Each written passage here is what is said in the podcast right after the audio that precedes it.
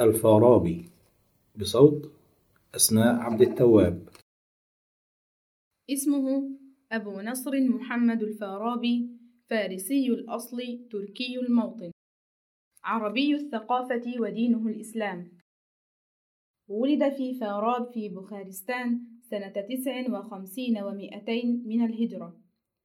وفي مساجد الإقليم حفظ القرآن الكريم.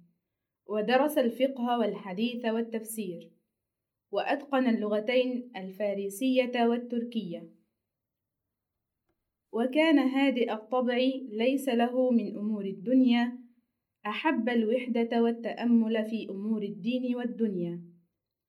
كان يخرج من وحدته ليقوم بعمل الزراعة مع إخوته في مزرعة أبيه. يحرث ويسقي ويرعى الزرع ويحرس بستان الفاكهة في مواسم الإثمار. وهذا العمل وهو حراسة البستان أعجبه فمارسه طوال حياته. كانت له اهتمامات منذ صغره وفي صباه وبداية مرحلة الشباب. ولكن التعمق كان عن طريق القدر. ففي فاراب كان يعيش عالم مجهول لديه كتب كثيرة في المنطق والفلسفة والموسيقى والرياضيات. ولما أراد هذا العالم السفر خاف على مكتبته من الضياع فحملها إليه. ولقد فرح الفارابي بكتب هذا العالم المسافر وأخذ يعلم نفسه بنفسه. وكانت الكتب مؤلفة بأقلام علماء مسلمين من جنسيات مختلفة.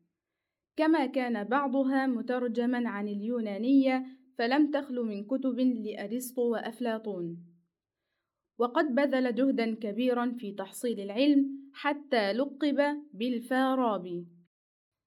لقد اشتاق الفارابي للترحال طلبا للمعرفة ورؤية الدنيا فطاف أرجاء آسيا الوسطى وبلاد فارس وخرسان ولما بلغ من العمر خمسين سنة دخل بغداد والتقى بأبي بشر هو متى بن يونس ليدرس علوم المنطق والفلسفة والرياضيات.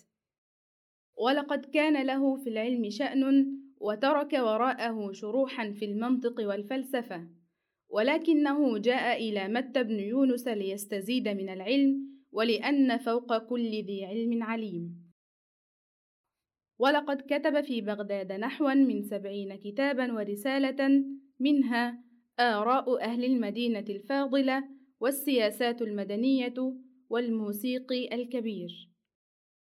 ولكن أهم كتاب خرج به من كل مؤلفاته هو كتابه الشامل إحصاء العلوم.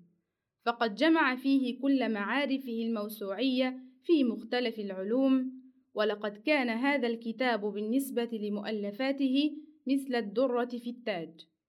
ولقد مكث الفارابي في بغداد عشرين سنة ثم دخل مدينة حلب بسوريا وكان أميرها سيف الدولة الحمداني يعرف بحب العلم والعلماء ويحيط نفسه بالشعراء والفنانين والكتاب فقرر أن يلتقي به. وفي يوم من الأيام دخل قصر الأمير سيف الدولة بزيه التركي ولمح الأمير جالسا في الصدارة على أريكة عالية. يحيط به العلماء على الجانبين. فمشى نحوه ثابت الخطى فدهش الأمير ودعاه للجلوس وهو يسير على البساط في اتجاهه.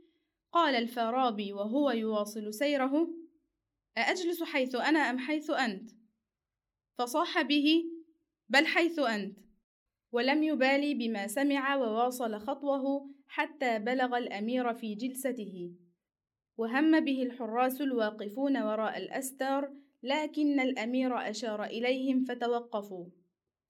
وعندئذ ابتسم سيف الدولة قائلا ما أحسب هذا الشيخ إلا عالما ولقد أساء الأدب معنا. فلكم أن تختبروا علمه فإذا رسب في الامتحان فلأدفعن به إلى الحراس ليقتلوه. وما فعله الفارابي لم يكن غرورا بل ثقة بالنفس. وتوالت أسئلة العلماء عليه كالسهام من كل اتجاه في كل العلوم. ولم يتوقف عن جواب لأي سؤال وكان يجيب ببساطة ويبرهن بالشواهد والأمثال. ونجح بامتياز في الامتحان وصار صديقا للأمير.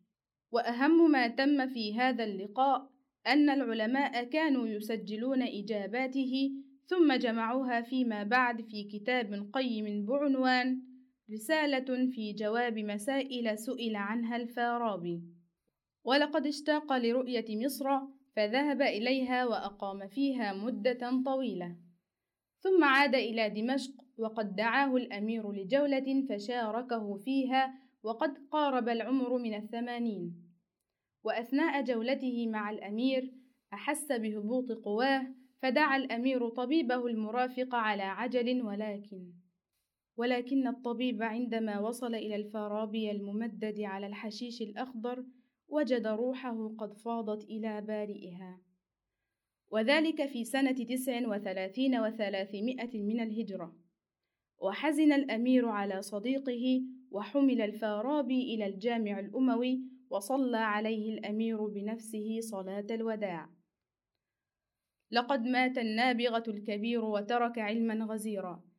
وإلى جانب هذا العلم كان قد اخترع آلة موسيقية وترية بها أوتار متعددة مثل آلة القانون. إن لم تكن هي نفسها آلة القانون.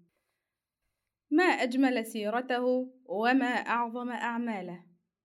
رحم الله الفارابي وغفر له.